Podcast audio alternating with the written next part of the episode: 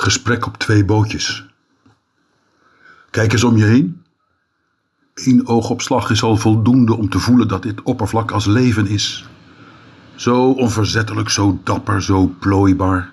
Hier klopt ons hart, beste vriend. Hier zijn we thuis.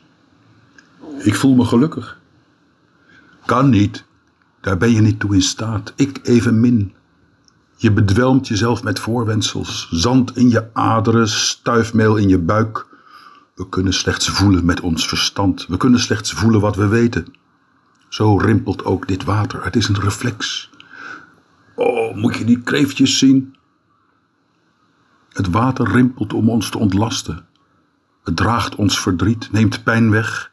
Zijn huid is bestand tegen beledigingen, hoe weerzinwekkend ook, en tegen de grillen van het uur. Neem je verliefdheid.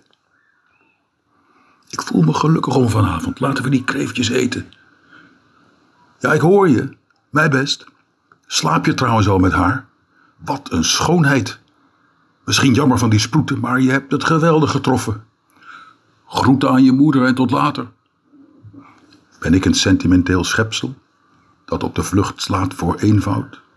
Zo groot is mijn liefde voor dit oppervlak, zo gering zijn de nachten. Ik trek me terug op de horizon, reken. Ik construeer de huid die mij onthult.